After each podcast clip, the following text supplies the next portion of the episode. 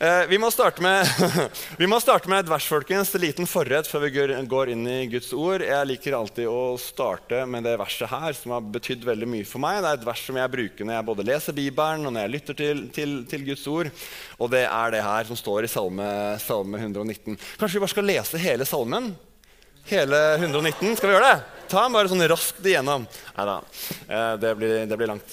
Men, eh, men, men Salme 119, der står det Åpne mine øyne, så jeg kan se det underfulle i din lov. Åpne mine øyne, så jeg kan se det underfulle i din lov. Salme 119, 18.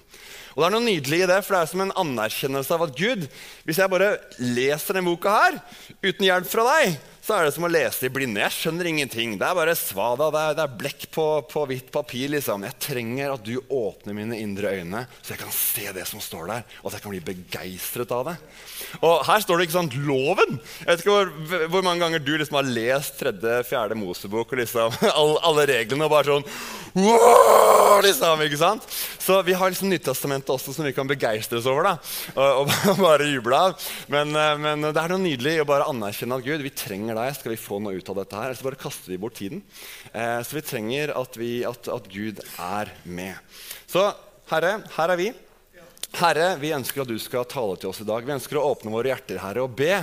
Herre, åpne våre indre øyne, så vi kan se det som er fantastisk i din lov.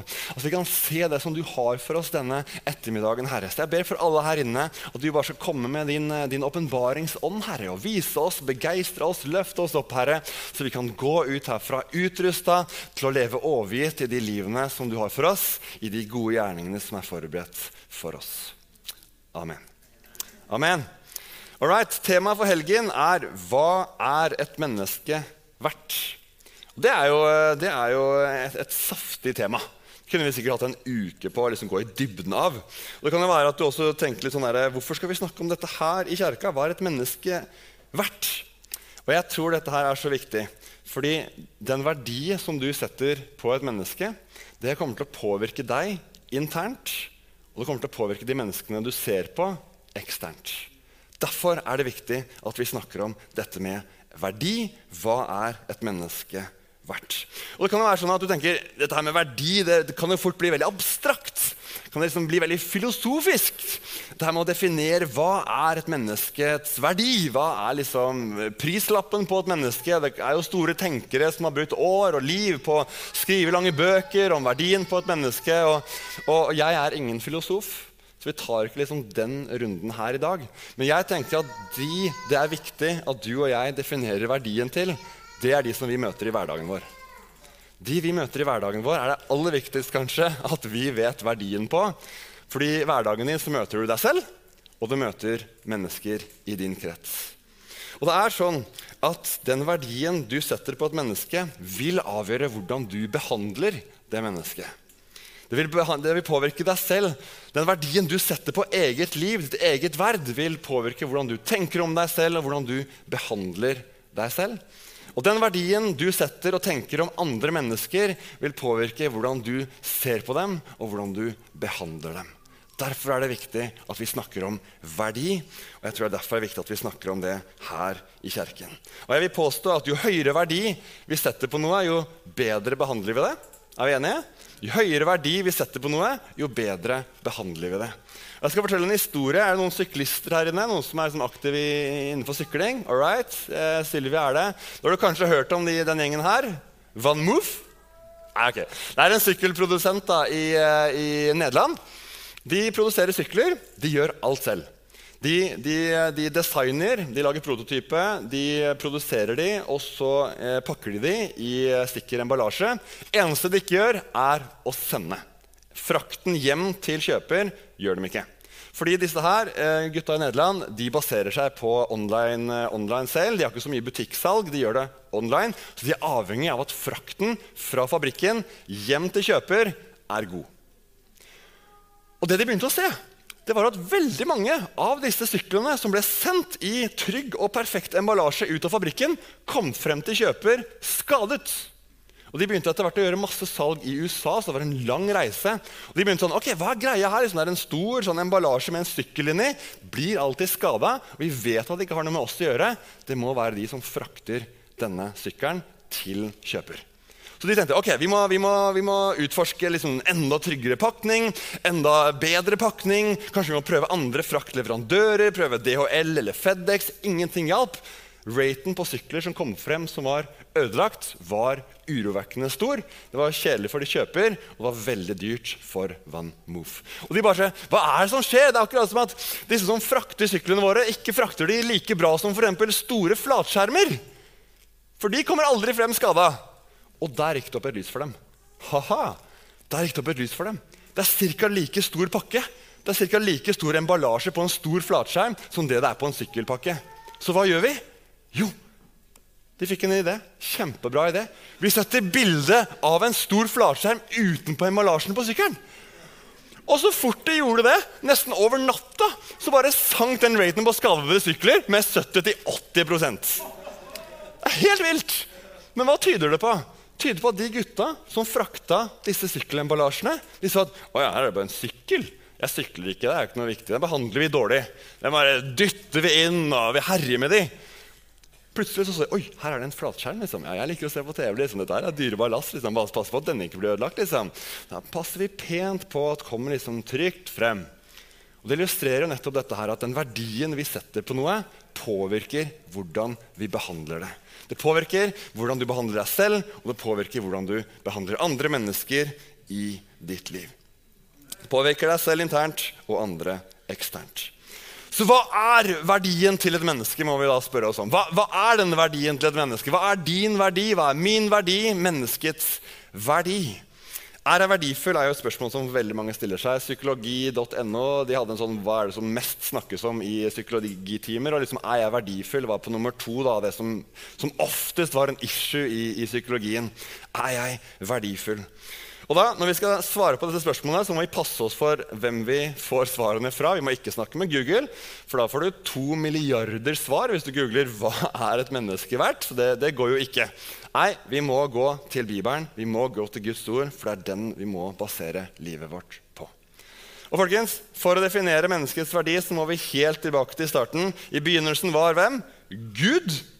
Og han trengte ingen. Han var ikke ensom. Det er ikke derfor vi er skapt. Han ønsket noen å elske. Så han begynte å skape. begynte å skape, Han lagde universet på en perfekt måte. Han skapte jorda med natt og dag. Han skapte et nydelig naturlandskap, yrende liv i vannet og et fantastiske dyr og et økosystem som bare var i perfekt harmoni. Det var vakkert, det var nydelig. Gud sa, 'Dette er veldig godt'. Og så gjør Gud noe som kan være litt sånn eh, fordi så går han liksom videre til å skape et menneske. Og man kan liksom Ok, så, ok, var det lurt, Gud? Skape et menneske, er det liksom, var det så mye penere enn en solnedgang eller en fantastisk stor hval i vannet? Liksom. Et menneske! Menneske, liksom. Men det er det han nettopp sa. da. Han sa dette her. Fordi man leser på hebraisk, jeg har ikke gjort det, men jeg har hørt dette her, så, så er det en sånn rytme i det som, det som står. Eh, la det bli lys.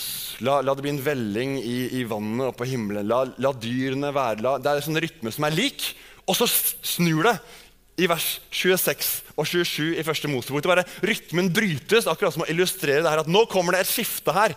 Nå må dere liksom være obs, for nå snur det. Nå kommer det noe som er helt ekstraordinært. Det er ikke så lett å lese når man leser på norsk, for jeg har ikke vært så bevisst på det, men i, det hebraiske er det en sånn rytme som brytes i det Gud sier. La oss Nei, Gud sa la oss lage mennesker i vårt bilde. Ta treenigheten neste uke, så tar ikke jeg det nå. Eh, så de ligner oss. De skal råde over fiskene i havet og fuglene under himmelen, over feet og alle ville dyr og alt krypet som det kryr av på jorden. Og Gud skapte mennesket i sitt bilde. I Guds bilde skapte han det. Som mann og kvinne skapte han dem. Dette er det Gud gjorde. Dette er det skiftet som kom. Han bare Her kommer det fremste av min skapning. Her kommer mennesket. Og jeg skal ikke bare skape et eksternt menneske. Nei, jeg skal ta noe av min likhet og jeg skal putte det ned i de, så de ligner på meg. I teologien og på latin så kalles dette her for imago dei. Det betyr 'i Guds bilde', 'in the image of God'. Og det betyr at vi er skapt med en unik verdi, det fremste av alt det som Gud har skapt. Skapt til å gjenspeile Hans herlighet her på jorda. Det er det som gir mennesket verdi. Ikke i oss selv, men i noe som Gud la ned i oss. En likhet på ham. Gjør det oss til guder? Nei, men det gjør at vi er skapt for å leve i et unikt fellesskap med Gud. Og Dette her gjør at vi er, vi er suverene over dyr. Amen. Er det noen som vil at vi liksom skal likestilles med dyr? At liksom dyr er like verdifulle som mennesker? Ja, jeg er for dyrehold, at vi skal være snille med, med, med dyrene våre. Altså. Men ærlig talt, mennesket er så mye høyere enn dyr så mye mer verdi enn dyr. Det er akkurat som at har, Hvis du har en MS-pasient her i rullestol som trenger hjelp med alt, kan ikke snakke, kan ikke gjøre noe, kan ikke utrette noe, noe. Sitter her, trenger hjelp til alt. Og så har du en nylig morsom delfin på et sånt suland som skaper masse glede for masse barn. ikke sant? Uh, dyr! Så er det fortsatt dette mennesket som er så mye mer dyrebart enn denne delfinen som skaper og produserer masse glede for barn. For det er et dyr. Det er ikke skapt i Guds bilde. Det er dette dyrebare mennesket her. Og det er viktig at vi husker på. Og Det er oppmuntrende. Du og jeg er skapt til å reflektere Gud. Hva gjør et bilde? Et Gud viser noe. Vi er skapt for å vise hvem Gud er. Et bilde av Eiffeltårnet, er det Eiffeltårnet? Nei. Men bildet av Eiffeltårnet viser Eiffeltårnet. På samme måte er vi Gud? Nei. Men vi er skapt med Guds bilde i oss for å portrettere hvem han er. Amen. Så vi er det fremste. Verdien er altså ikke i oss selv, men i det som Gud har lagt ned i oss, fordi vi er skapt i hans bilde. Og så kan man si ja, men Gud, nei, men Aron, jeg har gjort så mange dumme ting. Tenk så mange dumme ting. Blir det ikke dette bildet ødelagt av synden? Og det er klart at ja, når synden entret inn i tiden, når Adam og Eva spiste av denne frukten, og deg og meg har gjort ting som vi ikke burde, så kom det et skille mellom oss og Gud. Det kom et skille som skilte oss, og Gud kunne ikke ha noe med oss å gjøre. Det var noe som kom inn som, som ødela, men det ødela ikke det bildet som Gud hadde lagt ned i oss, den refleksjonen, selv om det satte et skille. Og nok en gang da, Gud, han, det er ikke bare sånn at han skaper oss, og så driter vi oss ut, og så forlater han oss. Han tenker at nei, men på, nytt så skal jeg komme og redde dem. Jeg skal gi dem en sjanse til. Og Hvis du ikke har hørt evangeliet før, hvis du er her for første gang, her kommer evangeliet. For de gode nyhetene er at Jesus Kristus kom fra himmelen, ned på jorda. Han levde det perfekte livet som du og jeg ikke klarte å leve. Han viste oss hvem Gud er på ordentlig. Og han døde på et kors i ditt og mitt sted da han ropte 'Det er fullbrakt', og han nagla skyldbrevet til korset idet han ropte ut 'Det er fullbrakt'. Og han døde. Han ga opp sin pust, ga opp sin ånd til Gud. Han dro ned til dødsriket, var der i tre dager, overvant døden idet han sto opp igjen og regjerer den dag i dag som kongenes konge og herrenes herre. Det er de gode nyhetene om hvordan uansett hva du og jeg har gjort, så vil ingenting kunne ta det bildet av Gud bort i oss. Og Idet synden entrer inn i livene våre, så ja, skjer det et skille. Men Jesus, gjennom troen på Jesus så blir det gjenoppretta igjen. Den relasjonen blir gjenopprettet igjen gjennom korset og troen på Jesus. Åh, det er nydelig. Og det er nydelig, altså. Tenk at vi er skapt i Guds bilde. Vi er ønsket av Gud. Og jeg tenker at Aron, du snakker mye om vår verdi, vår, hvor bra vi er. Kan ikke det lede til hovmod og stolthet og liksom at vi er så bra, liksom, at vi er senter? Nei, jeg syns det er så nydelig som salmisten skriver i, i Salme 8, også vers 4. Når jeg ser din himmel, et verk av dine fingre, månen og stjernene som du har satt der, hva er da et menneske? At du husker på det. Et menneskebarn. At du tar deg av det. Jeg tror Når vi skjønner at Gud er glad i oss bare fordi vi er, bare fordi Gud bestemte seg å være glad i oss.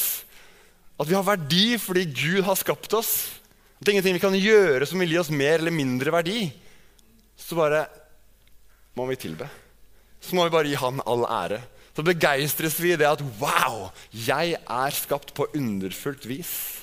Jeg har lyst til å leve for denne guden som har gitt meg denne ukrenkelige verdien. Um, og så leder det videre. da. Ja, men Aron, Jeg har ikke gjort noe stort for Gud ennå. Jeg har ikke utrettet noe. Jeg har ikke liksom produsert noe av verdi. Har, har, det noe å si på min verdi som menneske? Nei, det har ikke det. Du er skapt, er du ikke det? Når du ble skapt, så fikk du denne verdien. Og det er ingenting du kan legge til eller trekke fra fra det at du er skapt imago deg.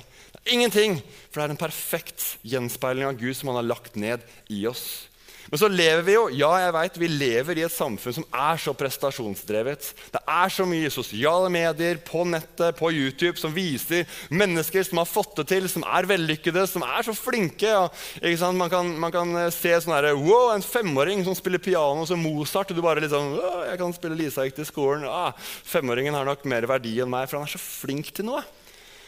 Samme som jeg sitter og ser på, liksom, eh, hvis jeg sitter på sosiale medier og ser sånn, folk som er fantastiske til å tegne, så får jeg sånn Å, jeg skulle ønske at jeg kunne ta steget litt opp fra strekmenn. Og så var det dattera mi som spurte meg en gang sånn Aron, eller, Unnskyld, nei, hun sa ikke Aron. hun sa, 'Pappa, kan du tegne en hest til meg?' Og jeg bare Ok, ok. Fake it till you make it. Ja, Kiara, jeg kan tegne en hest. Selvfølgelig kan jeg tegne en hest. Uh. Så aldri hatt veldig god sånn selvtillit på tegneskillsa, men, men, eh, men, eh, ikke sant? det er derfor det er så oppmuntrende å vite at jeg er verdifull i Guds øyne. Ikke fordi hva jeg gjør eller hva jeg er flink til, men fordi jeg er skapt imago deg. Og så er det lov å ta pianotimer. Det er lov å ta tegnekurs. Det er ikke noe feil med det, Men det bør ikke definere hvem vi er, eller hvordan vi ser på alle andre mennesker. Så ei, du er villet. Punkt 1 internt. Du må vite at du er villet av Gud. Ikke det fint å tenke på? Det var ikke du som tok initiativet til å skape deg. Det var Gud. Han starta det.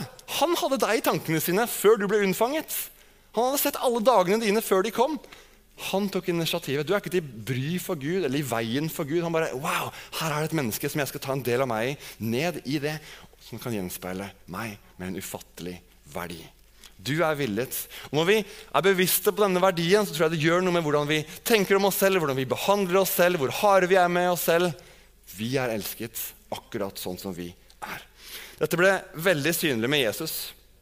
Jesus han levde ut fra denne identiteten om at han var sønn av far sin. Han var ikke Jesus skapt, han er født. Det bekjenner vi i trosbekjennelsen. Født, ikke skapt. Jesus er fra evig. Men han levde ut fra bevisstheten om hvem han var. Når djevelen kommer i ørkenen og begynner å friste ham med at har Gud virkelig sagt, er du virkelig, står han helt støtt på sannhetene om hvem han er, og hvem Gud er. Og Vi kan få lov til å lære av Jesus å leve på den samme måten ut fra den verdien vi har i Gud. Så Det var internt. Og jeg tror når vi innser dette, her, så vil det begynne å spre seg, og det vil begynne å påvirke andre mennesker eksternt. Og Det er det vi skal gå litt over til å snakke om nå, gjennom at vi skal se på en historie i Johannes 8, 1-11. Jeg skal lese Jeg skal ta litt vann først, hvis det er greit. Hva Se på sidemannen, og så sier du 'Du er skapt imago deg'. ikke det fint? imago deg. Hadde jeg vært min pastor nå, så hadde jeg laga en sang min pastor Stefan Kristiansen han lager alltid sanger. Han hadde brukt sånn Imago deg, mm, mm, mm. Skapte Guds bilde. Mm, mm, han er helt rå på det, altså. Men jeg skal ikke ta den nå. Uh, men du kan jo ta den neste gang, kanskje. All right. Johannes 8, 1-11. Der leser vi. Og Jesus gikk til Oljeberget. Til neste morgen kom han til tempelet igjen. Hele folkemengden samlet seg om han, og han satte seg og begynte å undervise dem. Åh, Jesus er så god. Jesus har lyst til å undervise oss, han har lyst til å snakke med oss, han har lyst til at vi skal samle oss rundt ham, sånn som vi gjør nå. Det er nydelig. Vers 3. Ok, her begynner historien.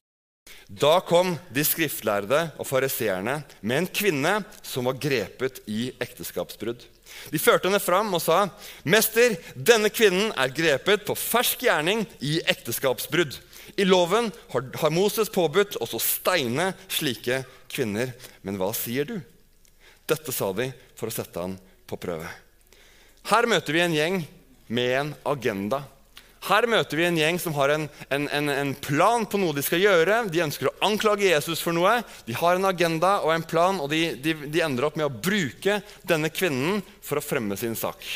Vi vil ta Jesus. Hvordan kan vi gjøre det? Vi bruker deg som et middel. Finner en sårbar kvinne som har gjort noe dumt i livet. Hun har, hun har, ja, hun har gjort noe feil, og de utnytter det og bruker henne. Vi drar henne til Jesus. Og de har tydeligvis ingen tanke om at hun har noe verdi i det hele tatt. For de tenker at ah, nå har du dritt deg ut, nå skal vi ta livet ditt. Vers nummer seks. Jesus bøyde seg ned og skrev på jorden med fingeren. Her kommer en sånn mini-preaching. Dette er så bra. Når, eh, når, noen har lyst til å provosere deg i livet, når du blir støtt, eller når du liksom blir sint på et eller annet, eller noen gjør noe du ikke liker, eller sier noe du ikke liker Hør reager langsomt. Det er visdom. Jeg er, ikke, jeg er ikke veldig gammel, men jeg har fått litt visdom. Jeg har skjønt at ei, det å reagere i affekt eller på impuls det lønner seg aldri, altså. Spesielt hjemme. Så jeg lærte meg det. Og, Ok, ok, hva skjedde her nå? Tre litt tilbake, sånn som Jesus gjør her. Bøyer seg ned. begynner å, Vi vet jo ikke hva han gjør. Begynner å skrive. Jeg viste masse, bare en liten sånn inn der.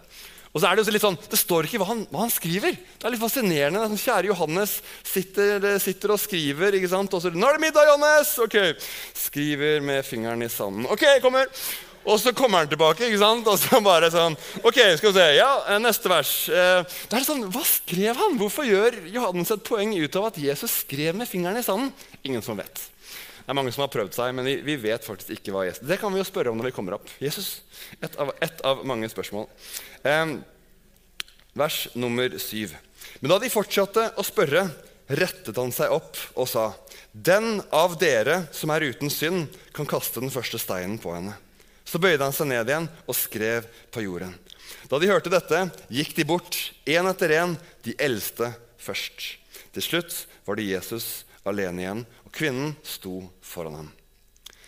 Jesus smeller til med en setning som bare slår knockout på hele saken til de skriftlærde.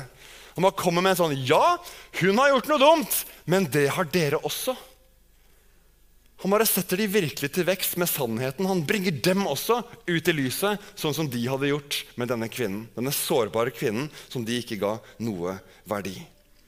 Han ser forbi synden i kvinnen i det han ser ikke det hun har gjort, men det som hun er, skapt i Guds vakre bilde.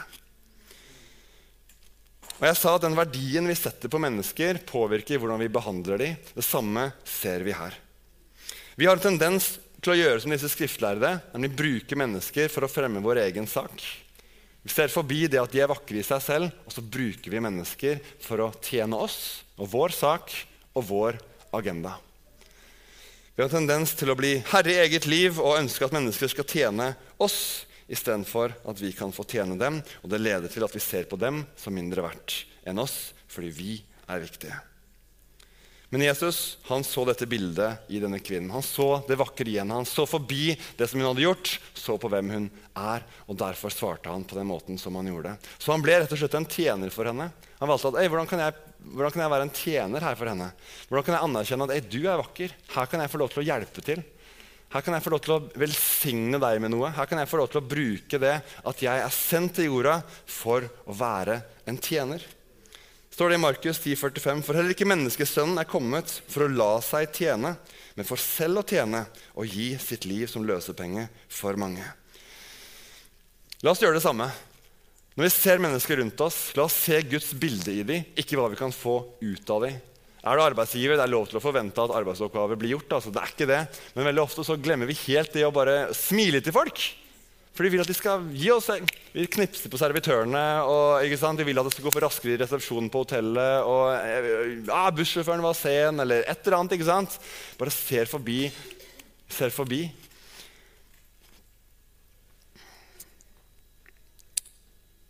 Jeg har lyst til å eh, bare naile dette her at i ditt liv så er det de menneskene som er rundt deg. Det er viktig at du tenker, om, eh, tenker rundt hva du tenker om dem.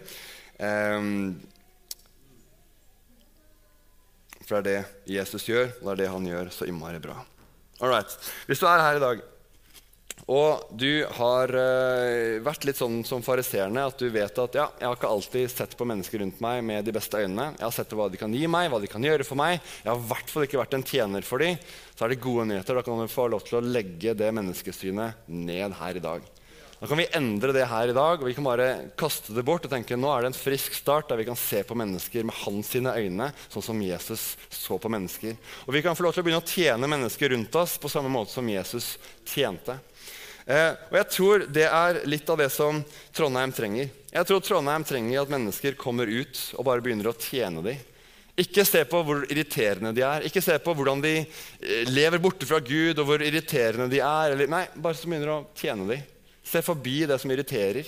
Se forbi det som man syns har imot noen der ute. Og se Guds bilde i dem, og se at her er det en Guds datter, en Guds sønn. En potensiell fremtidig mottaker av den kjærligheten som jeg selv har fått lov til å oppleve. Eh, og jeg har lyst til, og jeg tror liksom at Når vi begynner å leve ut det der, så kommer mennesker til å bli nysgjerrig på hva som bor i oss. hvorfor vi er annerledes. For i verden så møter de bare, de møter bare resultater basert på sine egne ferdigheter. De blir anerkjent hvis de gjør bra. De blir liksom godtatt hvis de er bra nok, ser bra nok ut, har mye nok penger, har nok likes på Facebook, mange nok følgere på YouTube. Eh, stor nok bil, bra nok utdannelse, fin nok jobb. Da blir du anerkjent og får status. Så kommer vi og så bare Hei, du er verdifull sånn som du er, du. For du har skapt i Guds bilde. Og Jeg må bare fortelle en historie hvis det er greit, som skjedde faktisk på vei hit, på fredag. Fordi jeg vet at det ikke ser sånn ut, men For et år siden så begynte jeg å trene på treningsstudio. Eh, tenkte liksom at nå må jeg pumpe litt. Jeg visste jo at jeg skulle hit. ikke sant? Og Tom Kristoffer og Erlend de er jo litt bøffe. ikke sant? Så jeg kunne ikke være noe dårligere enn det. Så jeg begynte liksom på gymmen. da. Begynte på gymmen.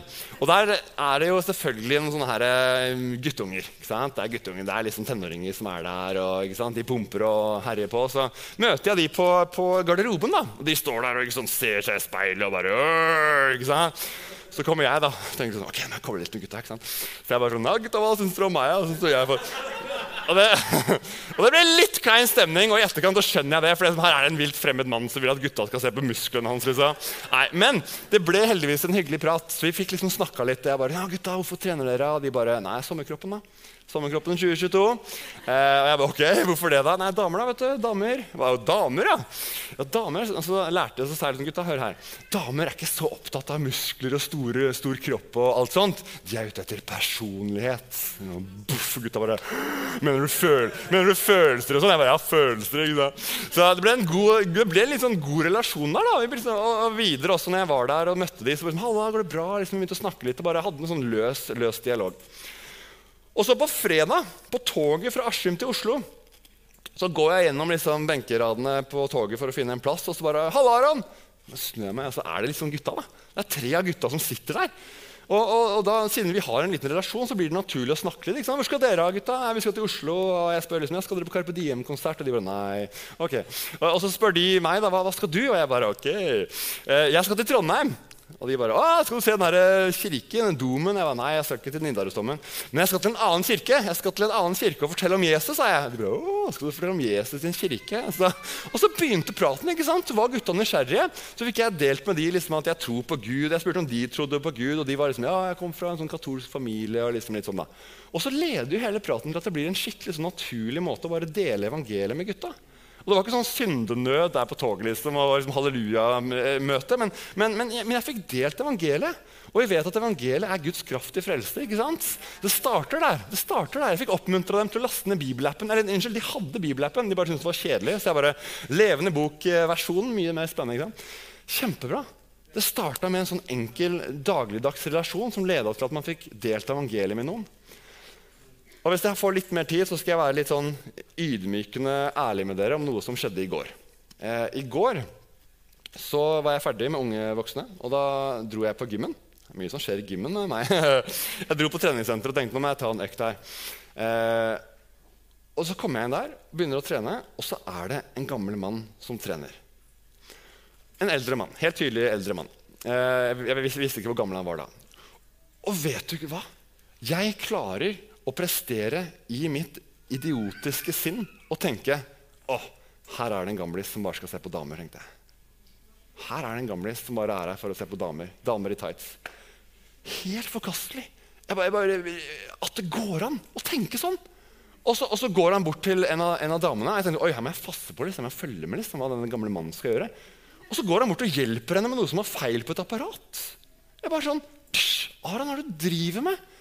Hvordan tenker du om andre mennesker? Og så sitter jeg og trener, og så kommer han ved siden av meg da, og, og, begynner å trene. Og da blir det jo at man snakker litt sammen. ikke sant? Og, og jeg forteller hva jeg gjør her. at jeg skal fortelle om Jesus i en kirke her i Trondheim. Og han var der, og han passa på kroppen sin. Han var 70 år. da, ikke sant? Nydelig mann. Sånn superstort eh, julenisse, hvitt hår. og ikke sant? De øynene som var liksom de koseligste øynene man kunne tenke seg. ikke sant? Så begynner vi å snakke, og så kommer vi inn på dette med tro. Og så, og så ender det med at han sier at liksom, han tror ikke på en personlig Gud, men han har følt liksom, at universet har snakka til han. Og sånn, ikke sant? Og så får jeg liksom mulighet til å dele. da. Bare gå rett på. Rune heter han. Rune fikk jeg liksom delt evangeliet med. da. Og, og, og jeg, jeg, jeg, fikk invitert han hit i dag. Og Rune, hvis du er her, så jeg, jeg, har så lyst til å møte deg igjen for å be om unnskyldning for en sånn forkastelig tanke som jeg klarte å prestere i mitt sinn. Jeg håper hvis han ikke er her i dag, at jeg får mulighet en gang til å be om unnskyldning. Men det illustrerer hvor lett det er for oss å se kun på det der og da. Ikke tenke det beste om mennesker. Ikke se Guds bilde i det, eller gå rundt med en sånn tanke. tenker ikke jeg sånn om alle, altså, men Der og da var det et svakt øyeblikk. Jeg skal bare være helt ærlig, Det var ikke på sin plass å tenke sånn om, om Rune. Eh, men, men, det ble allikevel en god prat, en mulighet til å åpne evangeliet. Tenk om jeg bare hadde gått rett på det. Ja. Se han gamle mannen, han kan jeg dele evangeliet med, eller han kan jeg få snakke med, han kan jeg få lov til å tjene. Nei da, jeg gikk rett inn på fordommene mine. ikke sant? Åh, Oi, oi, ja, Det er bra vi kan begynne på nytt. Men der var jeg litt sånn pinlig ærlig med dere. Men det er uansett da, mennesker i Trondheim som er åpne for evangeliet. Det er oppmuntrende. og Det, kan, det er ikke sånn liksom, ja, Malin, jeg tør ikke å dele evangeliet. Jo, men starte med et smil. Starte med liksom, 'Halla, går det bra?' Starte med å nikke til folk på gata. Plutselig møter du dem i en personlig samtale. ikke sant? Eller et, et sted som det er fint å, å snakke om videre. Så, all right. Så Vi har snakket om fariseerne og vi har snakket om, eh, om, Jesus sitt syn. Det er to måter å identifisere seg på her i kveld. Men så kan det være at du verken klarer å identifisere deg med fariseerne eller med Jesus. For det eneste som du har i hodet ditt, det er den jenta eller damen som var grepet i jord. eneste du klarer å tenke på, er den jenta. Fordi kanskje du har gjort noe eller opplevd noe i det skjulte som ennå ikke har fått kommet ut i lyset. Og de siste versene, for de som er, har vært skarpe og vet at det ikke er helt i mål, så sier Jesus, eller så skjer dette her i vers nummer 10. Da rettet han seg opp og spurte, 'Kvinne, hvor er de? Har ingen fordømt deg?' Hun svarte, 'Nei, Herre, ingen.' Da sa Jesus, 'Heller ikke jeg fordømmer deg. Gå bort og synd ikke mer fra nå av.' Kvinnen hadde gjort noe i det skjulte, hadde bomma på målet, hadde gjort noe hun ikke skulle. Men så ble hun dratt til Jesus ikke på den mest behagelige måten, antageligvis, ikke liksom sånn som man burde. Men igjen, hun ble dratt til Jesus. Hun fikk en møte med Jesus, fikk oppleve hans sin, eh, tilstedeværelse. Og ja, hun ble konfrontert med det hun hadde gjort. Det var ikke sånn at Jesus bare, Nei, det, det går bra, vi bare dytter det under teppet. Nei da, Han bekreftet at ja, du har gjort noe dumt. Det har dere òg, men, men, du har gjort noe, noe dumt. Og så sier han at ikke heller han fordømmer henne. Fariseerne, når de ble møtt med synden sin, hva gjorde de? De forlot. De gikk bort fra Jesus. Og Det har vi lett for å gjøre også når vi gjør dumme ting eller gjør noe i det skjulte. Vi, vi, vi går bort fra Jesus. Vi skjuler oss fra Gud, akkurat sånn som Adam. Gud kommer. 'Adam, hvor er du?' Han skjulte seg fra Gud. Fariseerne gjorde det samme. Men denne kvinnen hun ble stående foran Jesus. Hun skjønte at er det noe jeg trenger nå, så er det en berøring av Jesus. Tror jeg ikke hun skjønte der og da, men det var det hun gjorde. Og Jesus får en mulighet til å si, Ei, ikke heller jeg fordømmer deg. Gå bort og synd ikke mer. Så jeg tenker På en sånn kickoff-helg som dette her, så er det oppmuntrende å tenke ei, du har verdi. La oss gå ut og tjene mennesker det vi ser Guds bilde i dem, ikke bare det de gjør. Men så er det også fint at man tar en sånn runde på en, en, en formiddag som dette her, og bare ja, Herr Gud, dette har jeg gjort, dette, dette har jeg bomma på, dette har vært vondt, dette har jeg dårlig samvittighet for. Kaster det opp til deg. Og Så sier Jesus, gå bort og synd ikke mer. Og Det kan høres slemt ut, for liksom, Gud, men Gud, det er jo kjempevanskelig. fordi det er jo umulig å leve et sånt liv. Eh, liksom, gå bort og ikke synd mer. Men jeg tror Jesus kalte henne til omvendelse. Gå bort og ikke, ikke gjør det der lenger. Endre måten du, du, du, du, lever på. Men jeg tror han også var en invitasjon til å leve nært til han. Jeg vet ikke med deg, men jeg vet at jo, jo nærmere Jesus jeg er, jo, jo, jo, mer jeg bare befinner meg i hans nærvær og fyller meg opp med hans ord og menighetens fellesskap og nærvær, jo, mer fokus har jeg på Gud. Da er det veldig mye annet som ikke er attraktivt lenger. Så jeg tror Jesus bare inviterte henne til å leve nært til han, sånn at hun kunne leve det livet som han hadde for henne.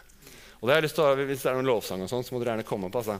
Jeg tenker at Nå så kan vi ta en sånn stund, og så bare tenker du over hvem du er av disse tre karakterene som vi har snakka om i dag. Kanskje det er noe med blikket ditt på mennesker som må justeres litt. Kanskje det er liksom, Jeg skal prøve å smile mer til mennesker. Få liksom litt blikkontakt. liksom bare, hei, Gjøre folk nysgjerrige på hvorfor smiler du. Det er ingen andre som smiler. Folk bare ser ned i mobilen sin. Folk bare ser rett ned i mobilen sin. Jeg lover på gymmen, Det er vanskelig å få øyekontakt med folk. For de trener, og så er de nede på mobilen. Det er det du Bare liksom smile til folk, si hei, men det er helt umulig, for de ser på telefonen sin. La oss ikke være sånne. La oss se opp, se på mennesker, se Guds bilde, se Guds referasjon i mennesker som ennå ikke kjenner Han. Det er noe nydelig. La oss være som Jesus, tjene mennesker. Og hvis du er, og du opplever deg som hun kvinnen, akkurat nå, la oss ta en hellig stund, og så bare gir du det til Gud.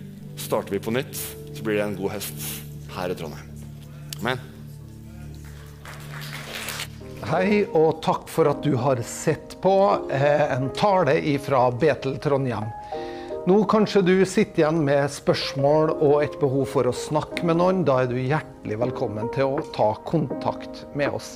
Du er også hjertelig velkommen til å komme og ta del av gudstjenestene vår, eller det som skjer i ungdomsarbeidet eh, i kirka vår. Jeg tenkte at jeg hadde lyst til å avslutte med å lyse Herrens velsignelse, så vær så god, ta imot. Herren velsigne det og bevare det. Herren la sitt ansikt lyse over det og være det nådig. Herren løfte sitt åsyn på det og gi det fred.